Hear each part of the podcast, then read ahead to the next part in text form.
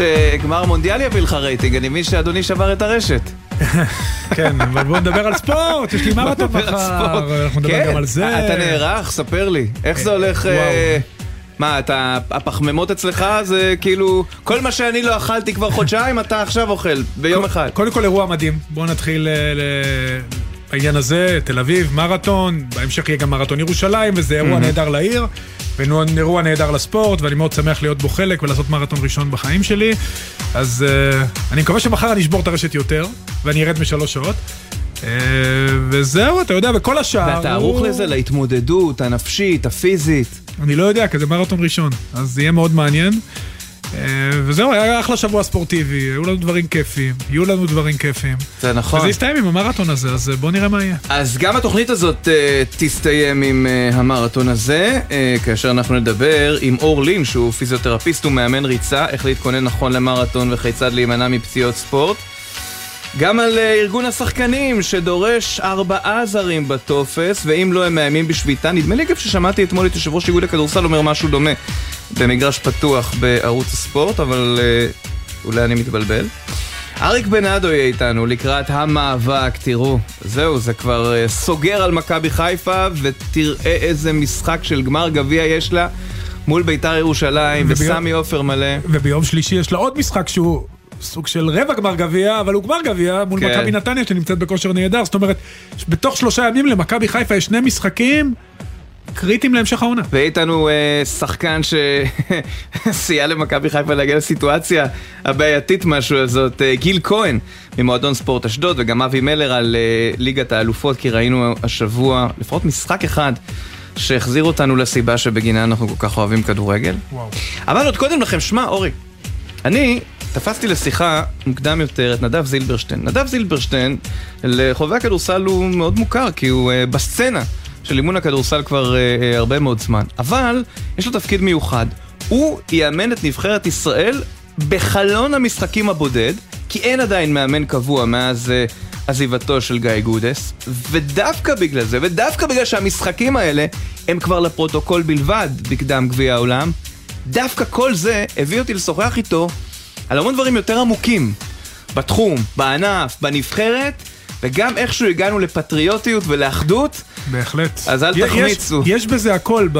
גם בעניין הזה שנדבר בהמשך עם עודד שעשוע, גם עם נדב זילברשטיין, ואתה יודע מה, אולי נדב זילברשטיין יהיה אלון חזן של הכדורסל. אתה יודע שהגיע לתפקיד מעניין. דרך המערכת. בדבר אחד הוא כבר דומה, והוא אמר, שלו. אני תמיד איש המערכת. אז. אה, תן לי רק לעשות את הקטע. נדב זילברשטיין, שלום, צהריים טובים. צהריים טובים. אה, זה קצת מוזר, אבל בסוף אני כן רוצה לפרגן לך, עדיין ברזומה תוכל לרשום מאמן נבחרת ישראל, אה, וזה מגניב. אבל אני מניח שהיית רוצה להיות קצת בנסיבות אחרות, נכון? לא, לא במשחק שהוא כזה שהוא די לפרוטוקול, ואתה צריך להרים את החבר'ה. אמ, קודם כל, מן הסתם ברור, אבל אה, כל מה שקשור בנבחרת ישראל הוא בעיניי חשוב בכל סיטואציה ובכל מצב ובכל תפקיד, ואני אעשה את כל מה שצריך אה, במאה אחוז בשביל לעזור לנבחרת לנצח. תשמע, יש uh, סנטימנט שאני מניח, אני יכול לדבר רק בשם הדור שלי, ילדי שנות ה-80 כזה, אבל אני חושב שגם בדורות הנוכחיים, אחרי שראו את הנבחרות הצעירות יותר של דני וכולי, יש איזה סנטימנט שמאוד אוהב את הנבחרת, ומאוד, ומאוד תומך בה, ואוהב את את השחקנים הישראלים, וזה עולה תמיד. ועדיין, נדמה שבשנה האחרונה, בטח לאור אליפות אירופה, ברמת השטח, ברמת היכולות, דברים לא עובדים. מה, על מה אתה כן עבדת בחלון הזה כדי בכל זאת לנסות לייצר הופעה טובה מול פינלנד? קודם כל, אני חושב שאנחנו עם של אה, פטריוטים. בכל מה שקשור בנבחרות שלנו, בכל ענף ספורט, אז uh, כולם uh, מתאחדים סביב זה ומתחברים לזה, ומאוד שמחים שנבחרות שלנו מנצחות, ומאוד מאוכזבים שהן מפסידות.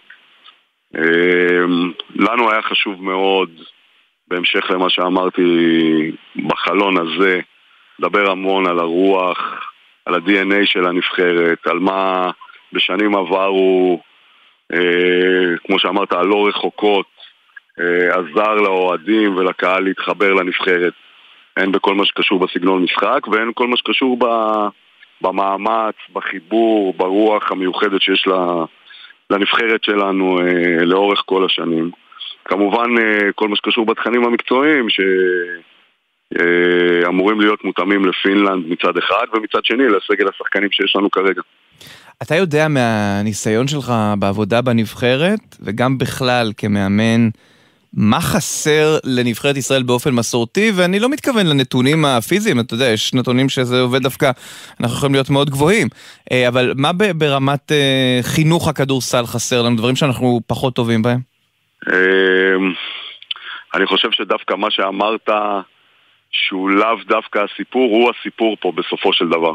אני חושב שברמה הפיזית, אמ, ואני לא מדבר על גובה, אני מדבר על, אה, על גודל פיזי, על, על רמה אתלטית הרבה מאוד פעמים, על, אפילו במבנה הגוף, אנחנו הרבה פעמים אה, נופלים מול האירופאים. אה, גם בנוסף הרבה מאוד פעמים בגודל, אם, אם, אם לצורך העניין נבחרות מסוגלות להעמיד רכזים של מטר תשעים ושש ומטר תשעים ושמונה, לנו אין את זה לאורך השנים, זה רק דוגמה אחת. אבל אני חושב שברמת הכישרון, לאורך הרבה שנים אנחנו לא נופלים. אני חושב שהדור הזה, כמו שאמרת, של ים ודני ותמיר וזוסמן וחבר'ה שיבואו אחריהם, נועם דוברת, שיחזור מהפציעה, אה, מאוד מוכשרים, וזה דור שעוד שלוש, ארבע שנים יבשיל סביב גיל 27-28 למלוא הפוטנציאל שלו, ואני חושב ששם אנחנו נוכל לראות אה, נבחרות שאולי אולי לוקחות את זה צעד אחד mm-hmm. קדימה. הזכרת באמת אה, שמות גדולים שאני מבין, כלומר שמות גדולים בהתהוות או בהווה, זה לא משנה, כולנו מאוד אה, מחבבים אותם. אה, ים הדר, דני, זה מובן מאליו לדעתי ש- שהם לא נמצאים, תקן אותי אם אני טועה, אבל מכבי תל אביב, היית רוצה לראות את השחקנים משוחררים בחלון הזה, מה שלא קרה? אנחנו תמיד שמחים שהשחקנים הטובים שלנו באים. הבכירים, נקרא לזה ככה. אמ, רצינו שהם יהיו גם הפעם, אה, אבל כפועל יוצא מה, מהסיטואציה, אנחנו גם אה, לא לחצנו על זה כמו בפעמים קודמות, כי הבנו ש... ש... יש להם סיבה לרצות אולי כרגע, אם נקרא לזה ככה, אה, להישאר בקבוצה. כי אולי שם אה, הם יוכלו להיכנס לרוטציה ויוכלו לשחק במשחקי יורו-ליג. אה, ומאחר והמשחקים האלו הם מאוד מאוד חשובים לנו ברמת ההישג, לנצח ולהחזיר, כמו, ש... כמו שדיברת על זה מקודם, אה, את האנרגיה הטובה סביב הנבחרת, את הרוח של הנבחרת הם מאוד חשובים, אבל ברמת הקמפיין עצמו אין להם, אין להם משמעות. כן. דבר איתי רגע קצת על הרצונות שלך, האיגוד הודיע אתמול שפבלו לסו לא יאמן בסוף את נבחרת ישראל, אבל אה, כן אה, יודיעו, שמעתי את אמיר עמלוי, יושב ראש האיגוד בערוץ הספורט, אומר שבעוד חודש, חודש וחצי, יודיעו על מאמן קבוע. אתה רואה את עצמך בשל לתפקיד הזה? אתה מעוניין בו? אני לא, אני לא מתעסק בעצמי, אני מתעסק בשני המשחקים הקרובים, אה, בלעזור לנבחרת לנצח את המשחקים מול פינלנד וסלובניה, בזה שנשחק כדורסל טוב, לא שום דבר מעבר לזה. כן. ועדיין הדבר הזה שקורה עכשיו הוא, הוא הזדמנות uh, גדולה, כלומר מה שאני שואל את עצמי זה האם אתה בא ועושה את זה כאילו זה מבחן חייך בקריירה, או שאתה עושה את זה כאיש המערכת, אמרו לי, טוב אני אעשה את זה, זה חלק מהעבודה שלי. א', אני איש של מערכת, תמיד הייתי בכל מערכת שהייתי בה, אבל uh, בוא נגיד את זה במשפט אחד, להפסיד, אין לי מה להפסיד פה, אני יכול פה רק להרוויח, אבל אני לא, אני לא האישו כאן. האישו פה זה, זה הנבחרת, אה, זה הכדורסל הישראלי, זה הרבה יותר גדול מבן אדם כזה או אחר. מאמן, שחקן, מנהל, זה לא ממש משנה. כן. אז בואו אה, נסיים בטון אה, שהוא, שהוא משמח, כי הוא אחד הדברים אה, שלדעתי, שוב, כשאנחנו מסתכלים על הצעירים, ונועם יעקב עם זימון ראשון, וכמה אנשים שמחו לראות אותו, אני מניח חוץ מהקבוצות שנפגעו בהפסדים, אבל כמה אנשים שמחו לראות אותו במדעי הפועל ירושלים פורח. ספר לי משהו על הזימון שלו. אמ, אנחנו תמיד חושבים שלקדם צעירים ולתת להם את הבמה זה, זה משהו שהוא must, בטח ובטח מבחינתי. אה, הסיטואציה פה היא כזו שזו הזדמנות טובה להתחיל, זו הזדמנות טובה לתת לו את הניסיון, אה, בין אם זה להתאמן עם, עם שחקני הנבחרת, להיות במסגרת של הנבחרת ו, ואולי גם לשחק. ונועם עם הקריירה שלו תלך לכיוונים שהיא אמורה ללכת, אז אמור להיות אה, אחד העוגנים של הנבחרת הזו בשנים הבאות. ולהיות פה היום איתנו זה יכול לתת לו את הניסיון, את ההבנה במה מדובר וכשנגיע למשחקים שהם אה, מה שנקרא עם הכסף על השולחן אז כבר יהיה לו את ה... תהיה לו את החוויה הזו מאחוריו והכניסה לסיטואציה תהיה קצת יותר קלה. וכשאתה מסתכל על אה, עמדת הרכז הבכיר אחרי שמקל פרש, מי נמצא שם? מן הסתם תמיר וים. אה, אני מניח שנועם עוד אה, שנתיים שלוש יהיה שם גם כן. נועם דוברת שאני מקווה מאוד ש... שיחזור לעצמו אחרי הפציעה ואנחנו כולנו מאחלים לו בריאות ושישתקם מהר ויחזור לעצמו. יש לנו פה הרבה מאוד שחקנים טובים, הרבה עומק ומפה זה, זו תחרות בריאה ביניהם. יפה. נדב זילברשטיין, תשמע, אני חייב להגיד לך שלמרות שלמשחק הזה אין אה, יותר מדי חשיבות במובן של ההעפלה לגביע העולם, אה, אני חושב שהמדינה הזאת תשמח לראות ניצחון מחר בימים האלה, אז מסכים. המון המון הצלחה. אני מסכים, אני מסכים. המדינה הזאת צריכה להתאחד סביב משהו. נכון. שיהיה בהצלחה. להתראות. תודה רבה. תודה. ובקרוב גם נבחרת ישראל חוזרת בכדורגל, oh. ועל זה נדבר בהמשך, זה קורה גם... בחלק השני של חודש מרס. וגם היא צריכה לשמח אותנו, כי אתה יודע מה? כן. אני מאוד מקווה, אבל אולי שתי הנבחרות האלה, או גם נבחרות הכדורגל, נבחרות ישראל בספורט, לפחות הן סוג של קונצנזוס, ואני מקווה שכמה שיותר רחב. ולגבי נבחרת ישראל בכדורגל שאמרת, אז היא... בוא'נה, יש תחושה שהפעם אנחנו יכולים לעשות את זה. תן לי להציג לך את זה שלילי, אוי ואבוי אם לא עושים את זה. לא, לא, לא, למה שלילי? תחושה, בוא נלך טוב. לא, לא, ברור, ברור. האמת צריך ללכת טוב. ויאללה, שגם הכדורסל יצליחו, שיסמכו אותנו ויאחדו אותנו בימים לא פשוטים אלה. ודאי, ודאי. טוב, בוא נדבר על אה, קבוצה שלדעתי כן אפשר לומר אוי ואבוי מבחינת מה שקורה לה, וזו מכבי חיפה, וביום שבת היא מול בית"ר ירושלים. האמת שגם שם זה מוגזם, כי בסוף יש פער של ארבע נקודות נכון. מהמקום השני, חמש מהמקום השלישי. תקופה לא אה, טובה. וזה ברגליים של מכבי חיפה, שלדעתי, אם אני זוכר נכון, חודש פברואר הוא חודש שבהיסטוריה של מכבי חיפה אה, נקרא אפילו פברואר השחור בכמה נסיבות. ולא רק במכבי חיפה, רק אה, תראו את הליגות האחרות בעולם. הרבה מאוד ליגות, קבוצות מתקשות מאוד בתקופה הזאת, נסיבות הן אחרות, אבל בדרך כלל נותנים את הבליץ באפריל-מאי, שזה בסוף מרץ, אפריל-מאי, שזה. הפלייאוף, זה המאבקים הישירים, ולפעמים יש ירידה בחודשים האלה. יהיה מעניין לחיפה עד כמה היא תרד, כי היא רוצה לצאת לפלייאוף מהמקום הראשון.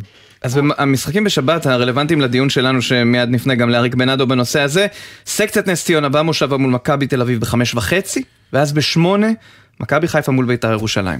אריק בנאדו, שלום. אהלן, שלום, צהריים טובים. טוב, אז אה, בואו נתחיל אה, באמת עם אה, מכבי חיפה שהפסידה למועדון ספורט אשדוד והיא פוגשת קבוצה שלפחות התקפית היא אחת השוות בליגה בזמן האחרון, בית"ר ירושלים. נכון, מכבי חיפה באה אחרי תקופה לא טובה למשחק הזה מול בית"ר ירושלים, בית"ר ירושלים, גם עשתה תיקו מול הפועל חיפה במשחק האחרון, אבל מבחינה התקפית היא הקבוצה הכי פוריה בחודשיים האחרונים, גם אספריה, גם ניקולאיסקו, גם... גם ירדן שועה באמת שלישייה מאוד מאוד איכותית וטובה שבמשחק מגרש פתוח יכולה לעשות בעיות אה, וצרות גדולות כמעט לכל קבוצה. אם קצת משחקים את הטיפה יותר צפוף ומסודר אז הם מתקשים אבל עם מכבי חיפה כמו שהיא נראית בחודשיים האחרונים תשחק במגרש פתוח ומשחק של קורס טו קורס ומשחק של שטחים אז אה, יכולה להתקל בצרות דעות בית"ר ירושלים. מכבי חיפה צריכה לחזור לדעתי לבייסיק שלה, לבסיס שלה אה, להתחיל באמת לשלוט בקצב של המשחק, להיות יותר מסודרים, להיות עם החזקת כדור יותר גבוהה, כי הם לא נמצאים בתקופה טובה. החלק התקפי של מכבי חיפה נמצא בתקופה לא טובה. הרבה מאוד שחקנים ירדו בכושר בצורה חדה, ולא רק אחד, שניים, כמעט כולם. אה, וככה שזה באמת גורם להם לבעיות. ושתיים, כשהם משחקים מגרש פתוח, אם זה היה לפני חודשיים, שלושה, זה יהיה 2-0 כמעט בכל פתיחת משחק למכבי חיפה, והיום זה לא קורה, ואז אנחנו רואים את מכבי חיפה מתקשה, וגם סופגת, ונראית פתאום פגיעה גם בהגנה. אה, זהו פחות או יותר, אבל אני חושב שגם עומר אצילי, אני חושב שהוא חייב לחזור להרכב, אני חושב שהוא השחקן הכי פורש של מכבי חיפה ולהוציא אותו קצת מה... הרכב בשבועות אחרים, אני חושב שעשה פחות טוב למכבי חיפה וגם עשה פחות טוב לעומר אצילי, כי אתה השחקן הכי פורש של הקבוצה בשנתיים האחרונות. והוא תמיד הראשון לצאת מהרכב, קצת, אני קצת פחות מבין את זה, אבל עדיין אני חושב שמכבי חיפה מבחינת כישרון, מבחינת האיכויות שיש לה, היא יותר טובה מכל קבוצה אחרת שיש בליגה, גם מבאר שבע, גם ממכבי תל אביב, ועדיין היא הפיבוריטית האליפות, ואני מאמין שגם היא תחזור לעצמה. רגע, אריק, לפני שאני אגיע לסיטואציה הנוכחית, ולמכבי חיפה יש גם בעיות אובייקטיביות עם קורנו, וכמו שאמרתי, ירידה בכושר של שחקנים. אה, אתה היית בקבוצה אולי הכי טובה של מכבי חיפה, אני חושב ש... שוב, בתקופה שאני לפחות ראיתי, קבוצה שהפילה עם שום לליגת האלופות. ואתה יודע, לא במקרה עד עכשיו אף קבוצה לא הצליחה לזכות באליפות שהיא שיחקה בשלב בתים של ליגת האלופות, כולל הקבוצה המדהימה שהייתה לכם. במבט לאחור, אתה יכול להיזכר מה, מה בדיוק קרה, כאילו, למ, למה יש את הירידה הזאת? אני חושב שהייתה, היה, שמע, ראינו את מכבי חיפה בתחילת העונה בשלושה ארבעה חודשים הראשונים, ממחנה אימונים שאתה מתחיל כזה עוד, ב, עוד בתחילת uh, יוני, עד uh, באמת הסוף הצ'מפיונס ליג, המשחקים, המוקדמות, זה כאילו פיקים של שבוע אחרי שבוע, ריצות בשדות תעופה, זה דברים שגם מבחינה תקשורתית, וגם האייפ, וגם הקהל, וגם האנרגיות, כאילו זה דברים שאתה מגיע לשיאים שאף פעם הם לא הגיעו. גם אנחנו אז לא הגענו, ואז קורה איזה אה, נפילה. אז אני חושב שהיה משהו שהיה אמור לעזור למכבי חיפה, שאולי חשבנו שיעזור למכבי חיפה, שזה יהיה פגרת המונדיאל, שאמרנו אוקיי, יהיה חודש לנוח, זה כמו פגרה שלמה, ואז הם יחזרו, אבל עדיין כנראה שבכוח האנרגיה של קבוצה, מתקופה של קבוצה שרצה, תקופה ארוכה עדיין יש ירידות מתח וירידות מנטליות וגם ירידות בכושר וגם פציעות שאנשים היו וחזרו אז הכל התחבר לאיזה מצב שקצת לי קשה להבין אותו אבל הרבה מאוד שחקנים ירדו בבת אחת בכושר ואין איזה מישהו שעוד קצת, אתה יודע, מציל את המצב או, או מצליח לסחוב את המצב, גם נטע לביא שהיה בורג מאוד מרכזי מבחינת הלב של הקבוצה באמצע אה, אה, לא נמצא, אני חושב שקורנו הוא מאוד איכותי, אבל הוא לא האקס פקטור, אני חושב שמשהו באמצע של מכבי חיפה, ברק בכר צריך אה, למצוא את השש החדש שהוא מאמין בו. לא אבו פאני ולא אלי מוחמד טובים ככל שיהיו, וגם אה, מחמוד ג'אבר לא, לא משחקים שש קלאסי באמצע שמחזיקים את האמצע. וצריך להגיד, אוקיי, אני הולך על אה, אחד מהם לפחות, שהוא יהיה השש, אז הוא השש. וגם אם זה גוני נאור אה, יהיה השש, אז הוא יהיה השש. ואני חושב שכל קבוצה צריכה שש שהוא, שהוא רציני וחזק ונמצא שם תמיד, לא משנה מה, תראה דרך דוגמה מנצ'סטר יונייטד שהגיע קסימירו, מה הוא עשה, איך, איך הוא יצר איזון כל כך גדול, שיש מישהו שהוא בעל הבית באמצע במרכז המגרש. נטו אבי הלך וזה חיסרון גדול, והחלק ההתקפי של מכבי חיפה חייב להשתפר, זה, זה אולי קצת עניין של ביטחון, עניין של אנרגיה, עניין של, של, של, של עייפות, אבל הם באמת נמצאים ב-30, 40, 50 אחוז יכולת ממה שהם היו לפני, לפני שלושה, ארבעה חודשים. ושוב, הם יכולים לעלות למשחק הזה מכבי חיפה בפער של שתי נקודות במכבי תל אביב, זה גם יכול להיות מאוד מלחיץ, ועם זה אני עובר איתך למכבי תל אביב. קרנקה חזר לשלושה בלמים. אה, אתה יודע, זהבי ויובנוביץ' שני חלוצים, כל מה שדיברנו על איביץ', הלך, שיחק מאוד שמרני, בעצם לא נתן לבאר שבע להגיע למצב. מול נס ציונה זה סרט אחר, ועדיין, אתה רואה את מכבי תל אביב כמתחרה העיקרית של מכבי חיפה, אולי באר שבע. למרות שהיא במשחקים האחרונים קצת פחות טובה. הסגל, ברמת הסגל אולי כן, אני ראיתי את זה במכבי תל אביב לא, לא פעם ולא פעמיים השנה, הם מתקשים. אז יש משחקים שהם מצליחים להפקיע מוקדם ואז הם תזכו בתוצאות גבוהות, אז יש להם כאילו בכמות שערים שהם כבשו די הרבה, אבל הרבה, הרבה משחקים חסר להם כישרון במרכז המגרש, חסר להם כישרון באגפים, יש שם הרבה שחקנים טובים ומנוסים. הקבוצה של מכבי תל אביב לא, לא מאוזנת בעיניי, בלוח שהוא הלך הוא חיסרון אדיר, כי הוא היה אחד השחקנים היותר יצירתיים שיש בקבוצה, שעשה דברים מפתיעים, שחשב מה, שצחיק הרבה לעומק, שאיים על השאר. אין להם גיאגון מוכשר ככל שיהיה כרגע, הוא לא יציב, ולצד משחקים פתאום ממש טובים, יש שם משחקים מאוד מאוד חלשים. קניקובסקי הוא, הוא, הוא שחקן טוב, אבל הוא לא שחקן שמוביל, הוא שחקן טוב בצוות. אני חושב שמכבי תל לא מספיק מוכשרת בחלק ההתקפי. יש להם את יובנוביץ' וערן זהבי, וערן זהבי פתאום כבר לקח לעצמו את תפקיד הפליימקר. אנחנו רואים, יודעים שערן זהבי ויובנוביץ' מסיימים מאוד טוב, הם שחקני סיומת מאוד טובים ברחבה, ובעיטות מחוצה, אבל הם פחות מכינים להם לעצמם את המצבים. אז ערן זהבי במשחק האחרון ראינו, ירד קצת למטה, ועשה קצת כמה פעולות שקצת פתחו את המשחק של מכבי תל אביב ועזרו להם להגיע למצבים, אבל חסר להם אה, באמת לפי דעתי אה, כישרון בחלק ההתקפי, ואם אתה משווה את הכישרון שיש למכבי חיפה בחלק ההתקפי ולא מכבי תל אביב, אז ההבדלים הם גדולים בעיניי מאוד. כן, אתה יודע, יש, אני חושב ש... שוב, נימה אישית, אני חושב שמכבי תל אביב ומכבי חיפה שיש להם שחקנים שונים, טובים בתפקידים שונים. מכבי תל אביב החלוצים, חיפה זה שחקני הכנף, והשחקני קו שני כמו סבא. אה, ולגבי באר שבע, אריק, אתה רואה אותם אה, יכולים בכל זאת, כי כרגע הם במקום השני, וברדה אבו עושה עבודה נהדרת. אתה יודע, מדברים כל הזמן על מכבי תל אביב ומכבי חיפה, רוב, אתה יודע, זה רוב השיח. באר שבע יכולה להיות... באר שבע יש- יש להם אופי, והם שם, והם אפילו יותר קרובים ממכבי תל אביב, הם נכון. למכבי חיפה ממכבי תל אביב בטבלה, והם עשו תוצאות גם שניצחו 1-0, שאתה אומר, זו קבוצה חזקה, שיודעת לנצח את 1-0, זה מה שהיה חסר למכבי חיפה בחודש האחרון, לעשות את ה-1-0 הזה, לנצח משחקים שקצת קשה, והם ידעו לעשות את זה, ואז הם נפלו כזה בבית ב- בשני משחקים, קצת, אה, והפסידו לבאר שבע, זה קצת הוציא אותם מה- מה- מהריצה אולי שהייתה להם, אבל באר שבע קבוצה חזקה, קבוצה שיודעת מה היא רוצה מעצמה, אני חושב שגם לה, אולי חמד היה צריך אה, טיפול ממנו יותר ולא מספיק לעשות את זה, וגם הזרים שהם הביאו, לא, לא, לא, הם לא פגעו בכולם, אז חסר להם עוד איזה, חתואל אה, פרץ השנה ואני חושב שהוא צריך אה, להיות בנקר בהרכב ולא מדי פעם, כי הוא השחקן הכי משמעותי מבחינת יצירתיות וגולים של, של הפועל באר שבע, אז הוא יותר על המגרש.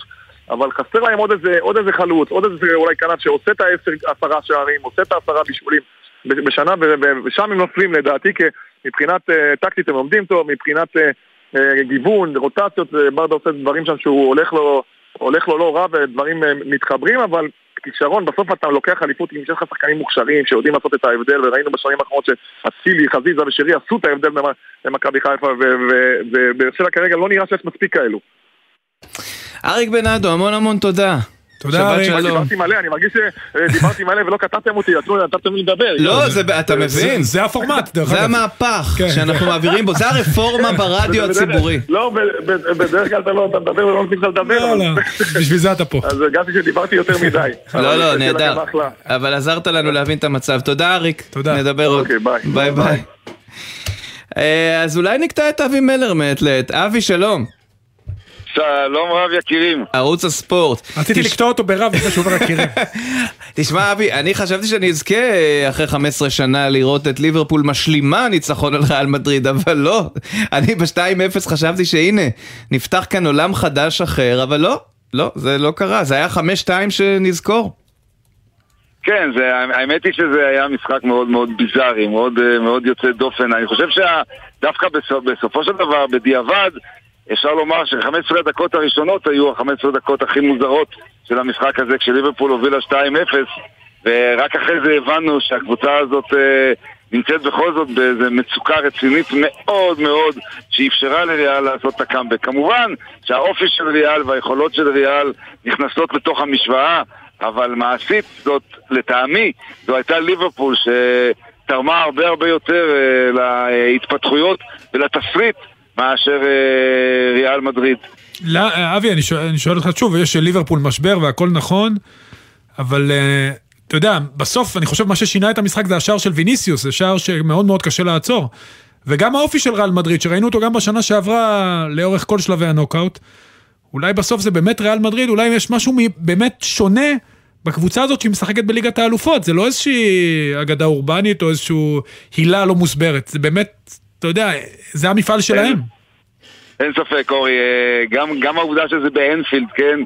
שזה, וזה בליגת האלופות תחת האכסניה של ליגת האלופות ברור שהם עולים אה, מדורבנים פי כמה וכמה מאשר נגד אה, אוססונה שם הם מתקשים לעמוד בבונקרים של היריבות בספרד ברור שהדלק הזה הוא מאוד מאוד חשוב אבל חשבתי לעצמי תוך כדי המשחק אם זה לא הייתה ליברפול, אם זה הייתה מנצ'סטר סיטי או באיירן או, או, או, או, קבוצה אחרת, אולי, אפילו לא מהטופ, אפילו אם זו הייתה אחת מהקבוצות הפחות אה, טופיות, כמו פורטו, האם היא הייתה נותנת לריאל מדריד את האפשרות הזאת אה, לקאמבק כל כך מטורף? השער של ויניסיוס היה נפלא. הוא היה באמת שער של מבצע שבו זה יכול לקרות בכל משחק, אבל הרבה שערים מה, מהשערים האחרים, כולל השער האחרון של בן זמה מהמסירה הנפלאה של מודריץ', היו שערים ש... אתה יכול להסתכל עליהם בהערצה כלפי הבלנקוס, אבל אתה יודע שזה שער, שזה שער שכונתי. כי כל ההגנה של ליברפול פשוט כמו, אה, עם, כמו אה, עם ישראל בחרבה, פינתה מקום, גם למסירה, גם לפריצה של בנזמה, שברחבה מקפיץ לו את הכדור, עובר שחקן, עושה מה שהוא רוצה ומשכין ברשת. ליברפול הייתה במחצית השנייה ב-45 דקות של גרוגי מוחלט. באמת, לא ראו עליה שום אה, סינכרוניזציה במשחק. הראשים שלה הורכנו, כן. וריאל חגיגה. זה הסיפור של ה... זה הסיפור אבי של העונה. של ליברפול, היא באה, היא חסרת ביטחון. בדיוק. היא איבדה את כל הביטחון הבנו. והפאסון שהיה לה מהעונה שעברה. בדיוק, ואז הבנתי שהעונה הזאת של ליברפול לא מרמה. לא מרמה. אין, זאת אין, ליברפול אין, של העונה הזאת. אין קסמים בכדורגל, אתה לא יכול להיות רע בכל המפעלים ופתאום להתהפך במפעל אחר. אה, אני אקח אותך אה, למשחק נוסף, מנצ'סטר סיטי אתמול. לא, גם היא לא נראית טוב, אתה יודע, היא גם מגמגמת, לא משחק שירצו לזכור, למרות שהתוצאה יותר טובה. זאת אומרת, התוצאה שחוזרת הביתה יותר נוחה וההכרעה עוברת לאנגליה. נכון, ולמנצ'סטר סיטי יש לה את הימי on וימי off שלה. אה, נגד ארסנל בשלוש אחת היא הייתה נהדרת, ואחרי זה עשתה את האחת אחת עם נוטינגרם פורסט, ופשוט החמיצה הזדמנויות בזו אחר זו. אתמול בלייפציג יצר פפ גורדיולה את הרושם שכל מה שמעניין אותו זה להתגבר על החיסור של, של קווין דה בריינה, של- של המשחק היצירתי. ו... וזה התבטא בכך שהוא גם, לא, גם לא ביצע חילופים, זה היה פשוט מטורף. הוא לא ביצע אתמול חילופים. 11 שפתחו הם ה-11 שסיימו, וסיטי לא יכלה לשמור על הקצב של המחצית הראשונה, והיא לא, אין ספק, אם ליברפול ירדה מאיגרא רמא לבירה עמיקתא, מהעונה שעברה הנפלאה והמתישה, היא ירדה לתהום, אצל סיטי זו נפילה הרבה יותר קטנה.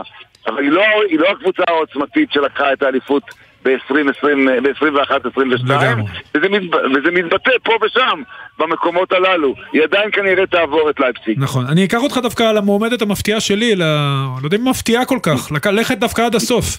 אחרי שראיתי אותה, נפולי. בליגה היא... גם שלי, גם מר... שלי, היא, אבל- תקשיב, היא מרסקת את הליגה האיטלקית. עכשיו, מה שמדהים כן. בנפולי, ששני הכוכבים הגדולים, הסמלים שלה של השנים האחרונות, קוליבאלי הלך לצ'לסי ומג'עג'ע שם, אינסיניה יצא ל-MLS, והיא הפכה לקבוצה הכי מלאיבה, הכי טובה באירופה, 2-0 קליל בפרנקפורט, החמיצה פנדל, כבר צחליה רוקד על המגרש, לוסאנו עם הצגת כדורגל. אתה יודע, נפולי בשקט בשקט יכולה ללכת עד הסוף, אני בטוח שזו היריבה שאף אחד ברבע גמר לא ירצה לקבל. זה באמת סיפור נהדר של אה, בחור חדש בא לשכונה, ולשכונה קשה מאוד להכיר באיכויות שלו. כלומר, אנשים לא חושבים שנפולי יכול, יכולה לעשות את זה עד הסוף, כי הם מסתכלים רק על הרקורד ועל ההיסטוריה, כן? והם, מס- ו- ו- ו- והם נתקעים בשמות של ריאל מדריד ו- וביירן ופ.ס.ז' ומנצ'סטר סיטי, כן? אבל, אבל, אבל, אבל נפולי היא הקבוצה הטובה ביותר באירופה כרגע, אין ספק. גם בליגה שלה עם 15 נקודות יתרון, גם בליגת האלופות בלי מעידות, והיא יכולה לעשות את זה. אייאקס לפני ארבע שנים יכלה לעשות את זה, אבל אז נתקלה באיזה רגע מטורף של טוטנאם אה, בדקה ה-96 של לוקאס מורה נכון. באיצטדיון אה, יוהאן קרויף. אבל נפולי, נפולי בנויה אחרת לחלוטין, יותר מוצקה, אה, ואיפשהו, איפשהו נראה לי שיש לה עמוד שדרה שיכול בכל זאת להתגבר גם על אה, יותר מכשולים. ועוד, ועוד מילה, אורי, זה קבוצה עם הרבה הרבה פחות שמות. אתה מדבר על אה, ויקטור אוסימהן ועל קוורצחליה שלא הכרנו אותם, וגם ספלטי, שבנה את הקבוצה וסביבו האנשים שלו.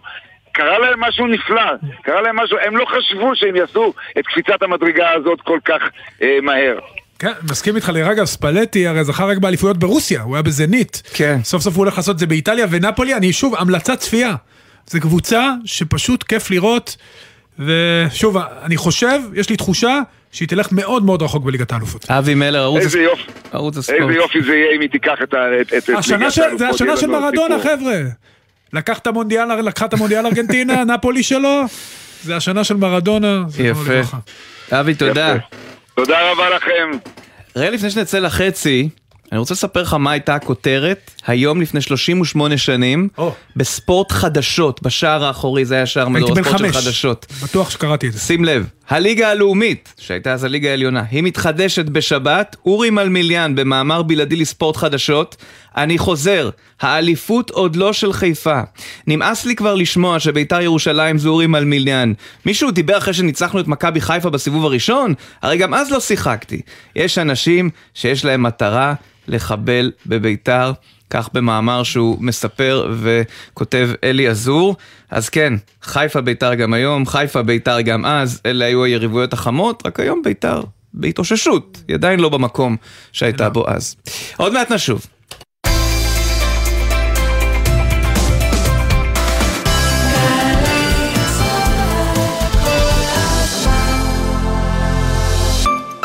פסטיבל אישה בתיאטרון חולון. יוצרות ומבצעות נבחרות מגישות את מיטב יצירתן במגוון מופעי מקור ובכורות. 1 עד 4 במרס בתיאטרון חולון. להקת המחול קמע חוגגת 20 שנה במופע בכורה מאת תמיר גינץ. בהקיץ, פנטזיה של רגעי אושר, חזיונות ואהבת אמת. עכשיו ברחבי הארץ. ג'ם, ג'ם, ג'ם, ג'ם, ג'ם, ג'ם, הג'ם, ג'ם, ג'ם, ג'ם, ג'ם, ג'ם, ג'ם. הג'ם של קוטנר. בכל חמישי יואב קוטנר מארח את האומנים הכי מעניינים להופעה חיה באולפן. והשבוע לאורה ריבלין ומשה לוי. הג'ם של קוטנר, עכשיו ביוטיוב של גלגלצ. והיום בשתיים בצהריים בשידור בגלי צה"ל. Yeah. עכשיו בגלי צה"ל, עידן קבלר ואורי אוזן עם עושים ספורט. ומשה שלונסקי, שלום. אהלן, הבאתם את אבי מילר, הרסתי חצי פינה. טוב, לאבא לא נעלה. לא, לא, ממש לא, נהדר לשמוע אותו. כן. רציתי להזכיר את נפולי, שהיא פשוט מדהימה, ואני רוצה להזכיר לכם, ואפשר למצוא את זה בציטוטים, בהתחלת עונה, אמרתי לכם שארסנל ומנצ'סטר יונייטד יובילו חזק, וליברפול יהיו חלשים. למה אמרתי את זה? כי אני חולה על משחקי אימון. ראיתי את משחקי אימון בתחילת העונה, ובאמת ליברפול הייתה על הפנים, ומנצ'סטר וארסנל היו נהדרות. מצד שני, לפני שבוע אמרתי לכם שארסנל נגמר לה הדלק, וקרה בדיוק מה שאמרתי, רק להפך. היא ניצחה 4-2 את אה, אה, אסטון וילה נדמה לי, גם במשחק, אני לא יודע אם צפיתם בו או שידרתם אותו, היה משחק מדהים. זה היה בשבת נדמה לי בצהריים. אסטון וילה, ודאי. כן. היה אורי, אתה ראית? אה, אני בדרך כלל בדרך לתחנה בשעות האלה. כן. כן. אוקיי, לא, הייתה תוכנית. אני ראיתי, אני. כמובן גם הייתי בדרך לשידור, אבל אני ראיתי כן, גם אה, בשיעורים לראות. חוזרים, ובעיקר את הגול של אה, דיבו מרטינז, הגול החסר ומה עם מזל. אמי מרטינז. כן, זה דיבו, על זה אתה דיבו, מדבר. כן, על הגול דיבו. של דיבו, כן. כן. באמת זה היה משחק נהדר, אבל באמת, ברצינות עכשיו, הסיפור של השוחד של העיתונות האמנותית זה סיפור ענק. ואני לא רואה שהעיתונות, אני לא שמעתי גם אצלכם מתחילת התוכנית, שמטפלים בזה ברצינות. זה ככה עובר ליד האוזן. זה שוחד. זה צריך ללכת לבית סוהר על זה. אחת מקבלת 60 אלף שקל, שיש- שישובסקיה קוראים לה, אחת אה, וורונוב שבעצמה לוקחת כסף, גם מספרת. וכלום, התגובה של משרד התרבות, לא חקירה, לא שום דבר, צריך לחדד את הקוד האתי. מה הקוד האתי? אתה לא יודע שאסור לתת מתנות לשופטים? מה, זה לא ברור? מה קוד אתי? מה יש פה קוד אתי? יש פה שערורייה מטורפת. עכשיו, מסכנות המתעמלות, שחלקם, אני מבין מעט מאוד בזה, היו מצוינות, וקיבלו מדליות והכל, ועכשיו מטילים ספק בכל המערכה, מהמערכת הזאת, ואני לא שמעתי כלום. סליחה שאני אומר, גם העיתונות לא עושה מזה רעש, ובוודאי משרד התרבות, כאילו, אתם לא חושבים שיש פה בעיה? כאילו, אני- חושב בשקט? שבכל בכל ענף שיש בו, אין בו ניקוד ברור, או תחרות שאתה, אתה יודע, כמו תחרות ריצה שאתה יודע בבירור. כן, אלא חוות דעת. על החוות דעת, אני בטוח שבכל ענף כזה תמיד יהיו קונספירציות, נכונות או לא, זה כבר אני לא נכנס לזה, אבל תמיד יהיו מחשבות וקונספירציות, וזה לא דבר אה, שהוא מאה אחוז אה, אין ספק נכון. שצריך להאיר יותר את הפינות האפלות האלה. זה בה- בהחלט יכול להכניס לפינות אפלות, אני מסכים. אני, אני מסכים להערה הזאת של הרחבת דעת, אבל זה צריך להיות ברור שאין דבר כזה. ושמי שמקבל שוחד צריך ללכת לבית סוהר. כאילו, אנחנו מאבדים את, ה, את הקוד המוסרי של החיים שלנו. מה זה? כאילו, אני יודע דברים אחרים, גם בתעשיית קולנוע, תאמינו לי, וגם במשחקים של ליגת אלופות מאחת הקבוצות הישראליות לפני 20-30 שנה. אני יודע כל מיני דברים וכל מיני סיפורים, אבל פה אם יש תחקיר ואנשים עומדים מאחורי זה, משטרה, משהו צריך לעשות. ואני רוצה לסיים במילה טובה לקהל הישראלי. בכדורגל, כדורגל יותר טוב, פחות טוב. ביום שב- שבת יבואו 30 אלף איש לעופר, את ביתר בטדי ממלאים 24 אלף איש, את בלומפילד ממלאים כמעט 30 אלף איש. וזה שאפו גדול לקהל הישראלי, וצריך להגיד מילה טובה. יאללה. לא אלימות ולא בלאגן, שנים היה פה בלאגן גדול, אחלה קהל, כל הכבוד, אני מוריד את הכובע. שבת שלום. שבת תודה שלום, רבה, שלונסקי. סיימנו בנימה טובה, כן, כן, לא-. שחסרות לנו עלילות מהקהל, אבל בהחלט השיאים ששובר הקהל בסמי עופר ובבלומפילד, בעיקר בסמי עופר, אבל גם בבלומפילד, וזה מה שאומר, מתקנים. בוודאי. הנה, הנה אחד שמכיר מתקן, כן. כן, שקצת קשה בו, אבל הבנתי מהמינהלת בהודעה שהיא הוציאה שיספקו עוד משאבים כדי שזה הזיה, לעשות שזה רק שימוש. עכשיו, מה, מה חיכו שבאמת יקרה מקרה כזה? המזל שאותו שחקן שאתה מדבר עליו, הקבוצה שלו בסופו של דבר ניצחה, שהאירוע הזה בעצם לא השפיע אגב, על ה... ניצחה בזכות גדולה אחת. מה זה, אתה צריך לנצח יותר. בטח, לקחה את כל ההזדמנויות. השאלה, אבל איך עושים את זה יותר גם מול קבוצות שהן לא מכבי חיפה, כי לכאורה, נכון. לשחק מול מכבי חיפה בהפוך על הפוך זה הכי קל, כי אתה מגייס את כל האנרגיות, כל המשאבים, אתה הגרסה הכי טובה של עצמך. אין לך מה להפסיד. בדיוק. אז בוא נשאל אותו. גיל כהן, קפטן הנבחרת הצעירה ושחקן מועדון ספורט אשדוד, שלום. אהלן, צהריים טובים. טוב, אני מניח שהתחושה בשבת הייתה מדהימה, נכון? כן, מטורפת. פשוט אה, אי אפשר להסביר במילים. אז אולי תנסה בכמה מילים. אה, אתה קפטן נבחרת צעירה, בכל זאת, אתה יודע, תגיד לי כמה מילים. שמע, זה כמו שראיתם, זה משחק שפשוט כולם אה, נתנו את הלב על המגרש. אה, נתנו הכל, התכוננו גם מאוד טוב למשחק הזה. ידענו גם שזה בערך הצ'אנס האחרון שיהיה לנו בשביל להפיל לפלייאוף- לפלייאוף העליון.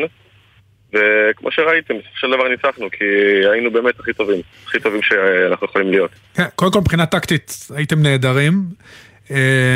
ספר לי קצת על ההכנה למשחק, אתה שיחקת חצי מגן, חצי בעצם מגן שמאלי בארבע, אבל חמודי ירד נמוך עם אה, סונגרן, אה, קאנן. אז אה, איך, איך התכוננתם בעצם למשחק הזה? בניתם על המעברים? ציפיתם שזה באמת ילך לכם כל כך טוב, שבאמת כל מה שתכננתם יזרום במשחק?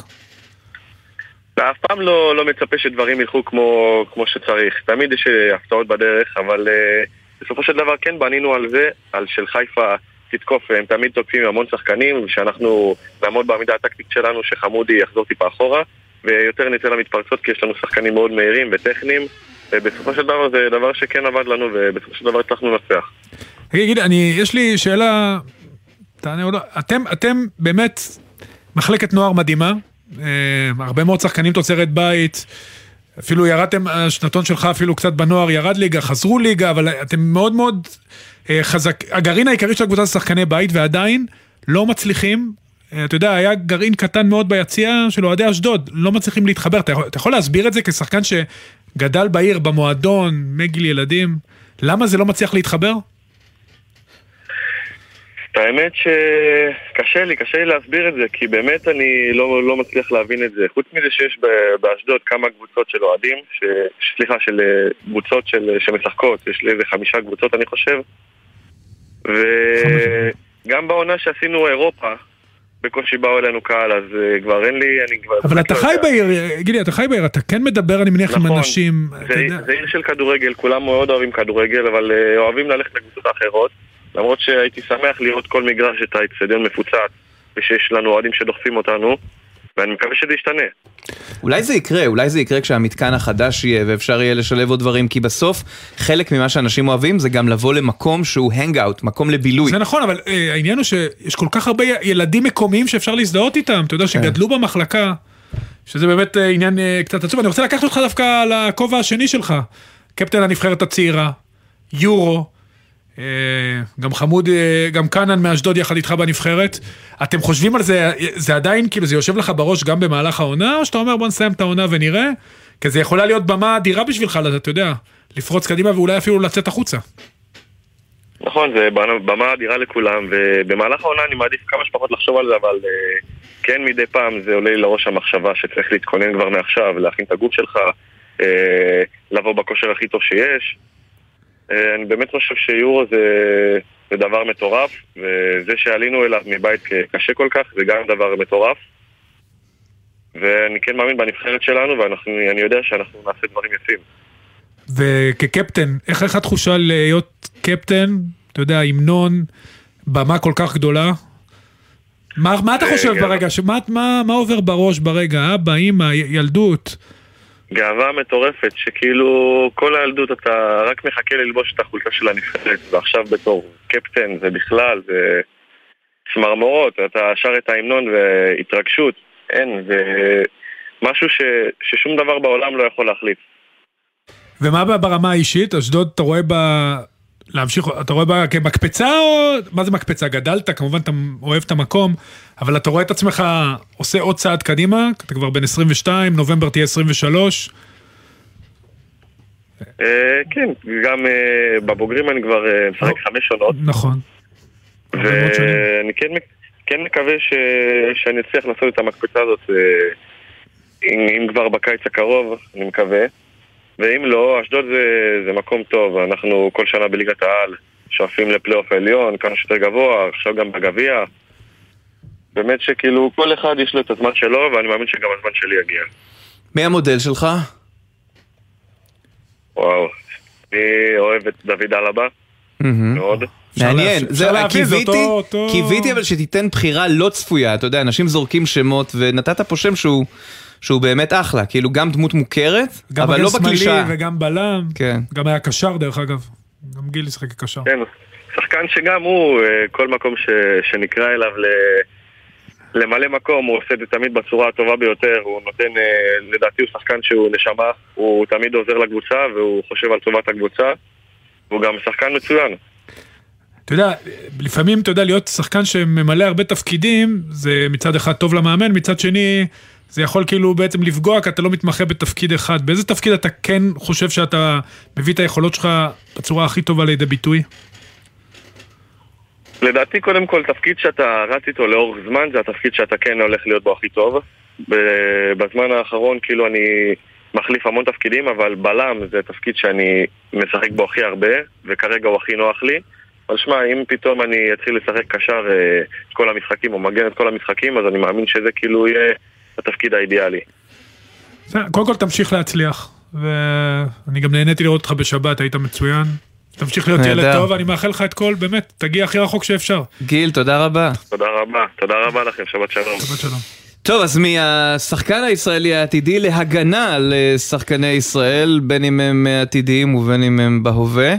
וזה הזמן לדבר איתך, עודד שעשוע, שחקן עבר ומנכ"ל איגוד השופטים, שלום.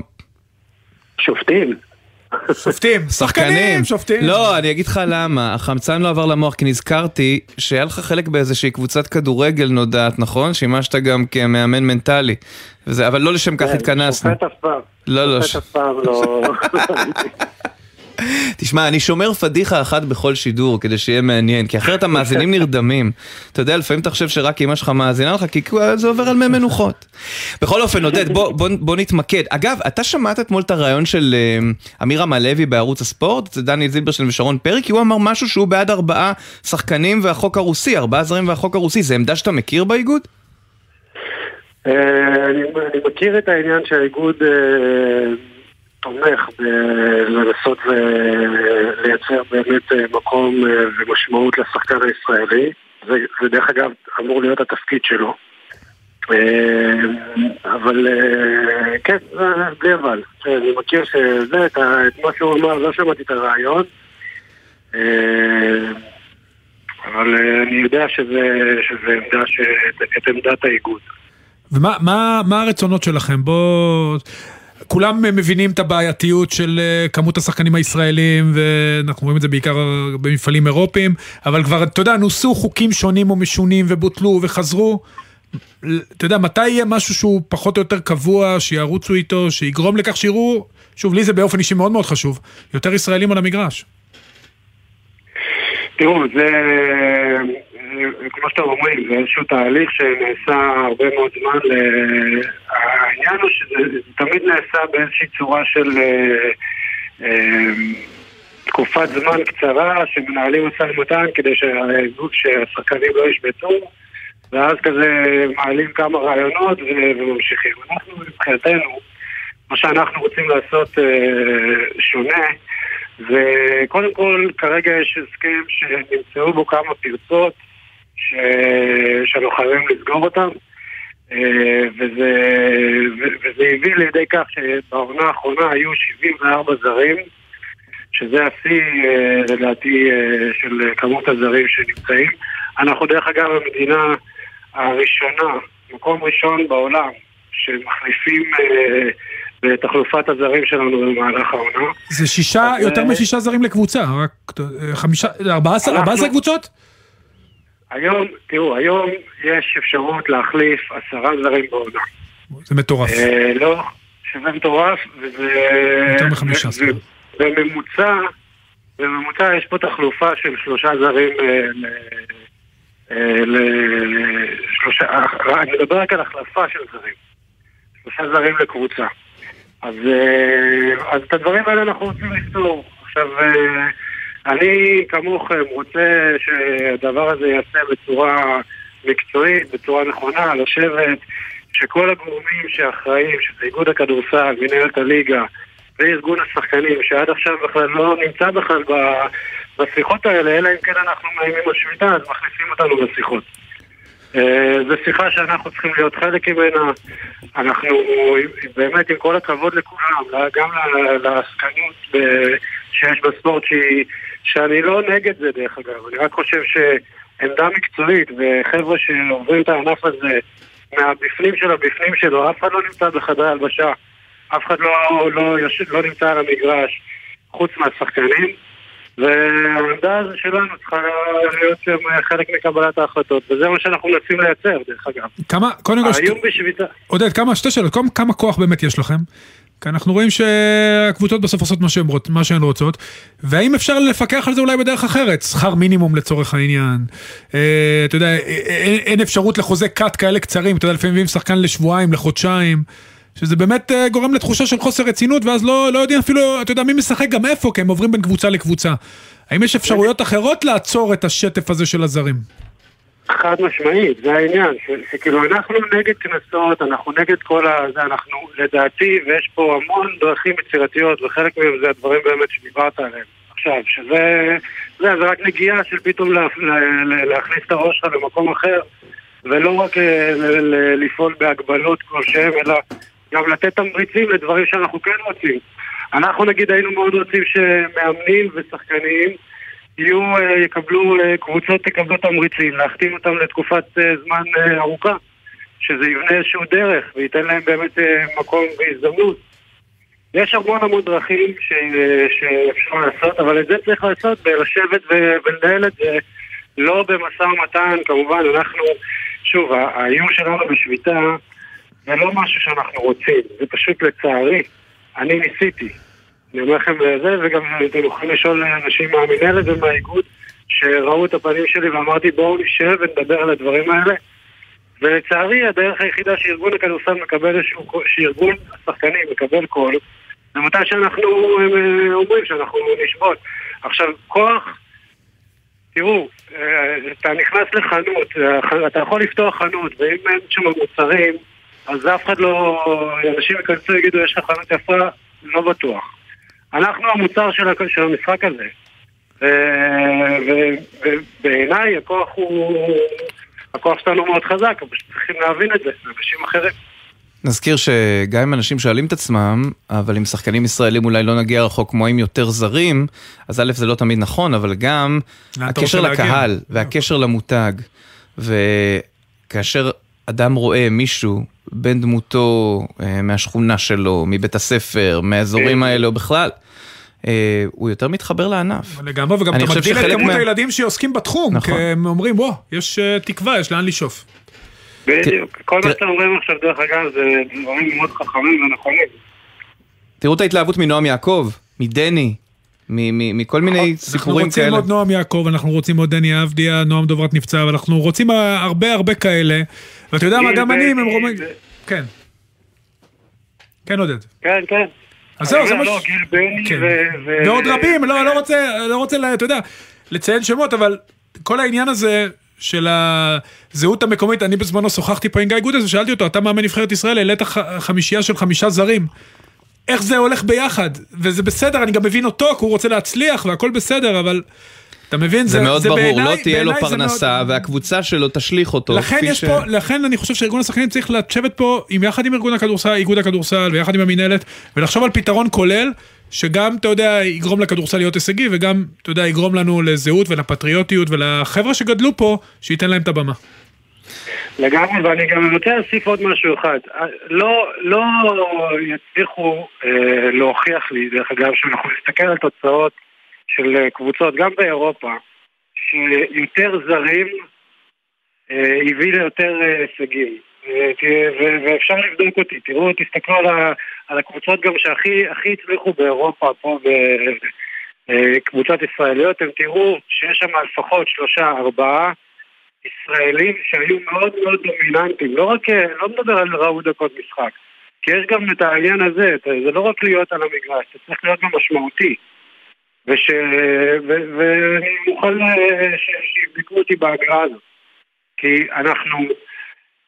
והמעמד של השחקן הישראלי הוא. מעבר לדקות. זה נכון. עניין כן. של, אה, טוב, יפה, ונזכיר שהפועל ירושלים זכתה ביולב קאפ לפני כמעט 20 שנה עם שלושה זרים בלבד. כן, אבל הכדורסל האירופה השתנה וצריך גם לעשות התאמות אצלנו, ו...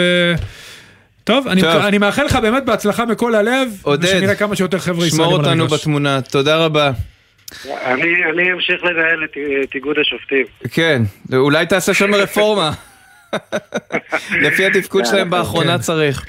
תודה. תודה עודד. תודה, ביי ביי. אז רגע, מתי- אתה קם בבוקר למרתון מחר? אה, בוא נשאל, אני מה, זה שלוש בלילה?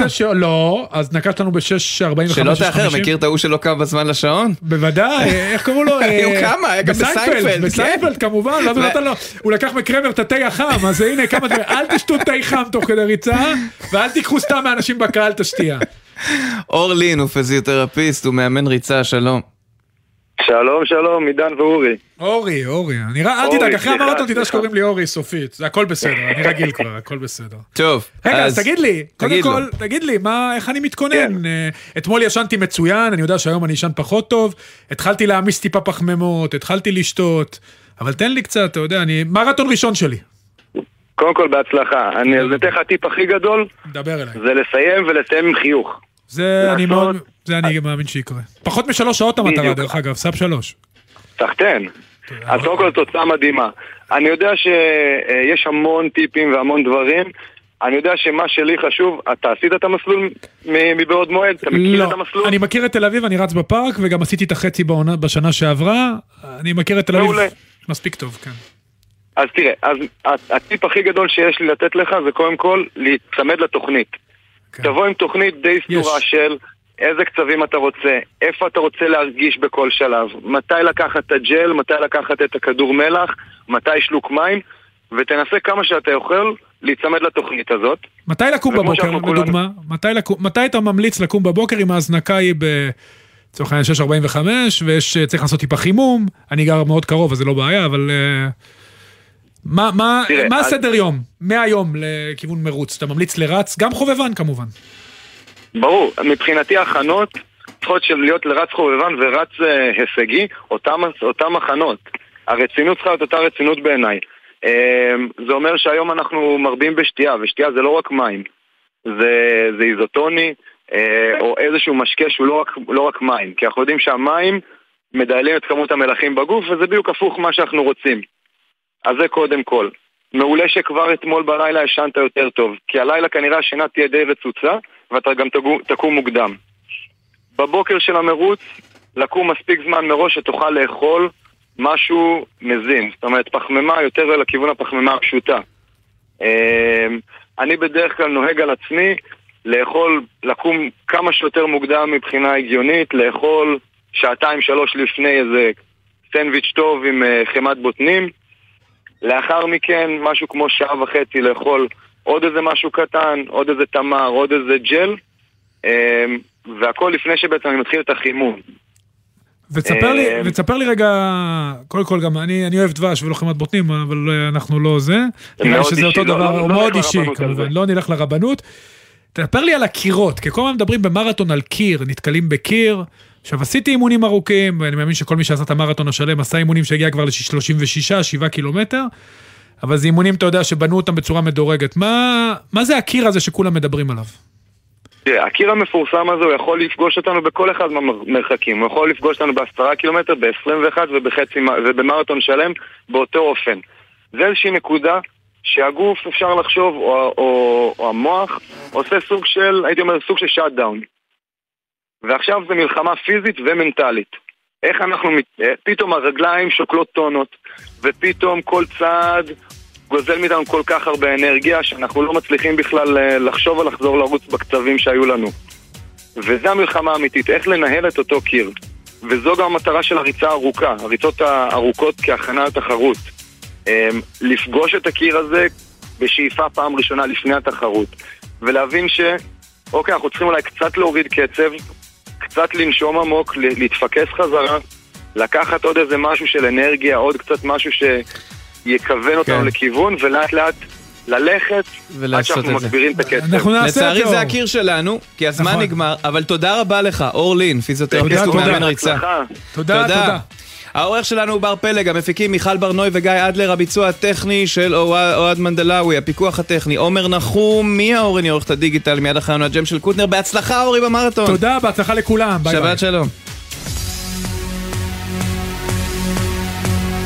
בחסות הפניקס סמארט, המעניקה עד 45% הנחה בביטוח המקיף. כוכבית 5432, או חפשו הפניקס סמארט בגוגל. כפוף לתקנון המבצע, הפניקס חברה לביטוח בע"מ. מה נשמע, נשמע, סוף השבוע.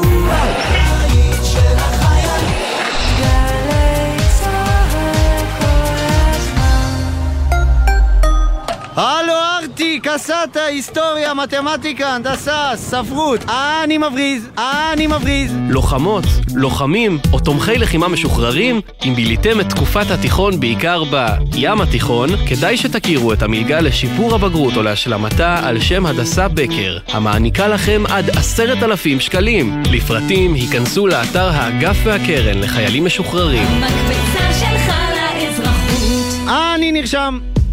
מיד אחרי החדשות,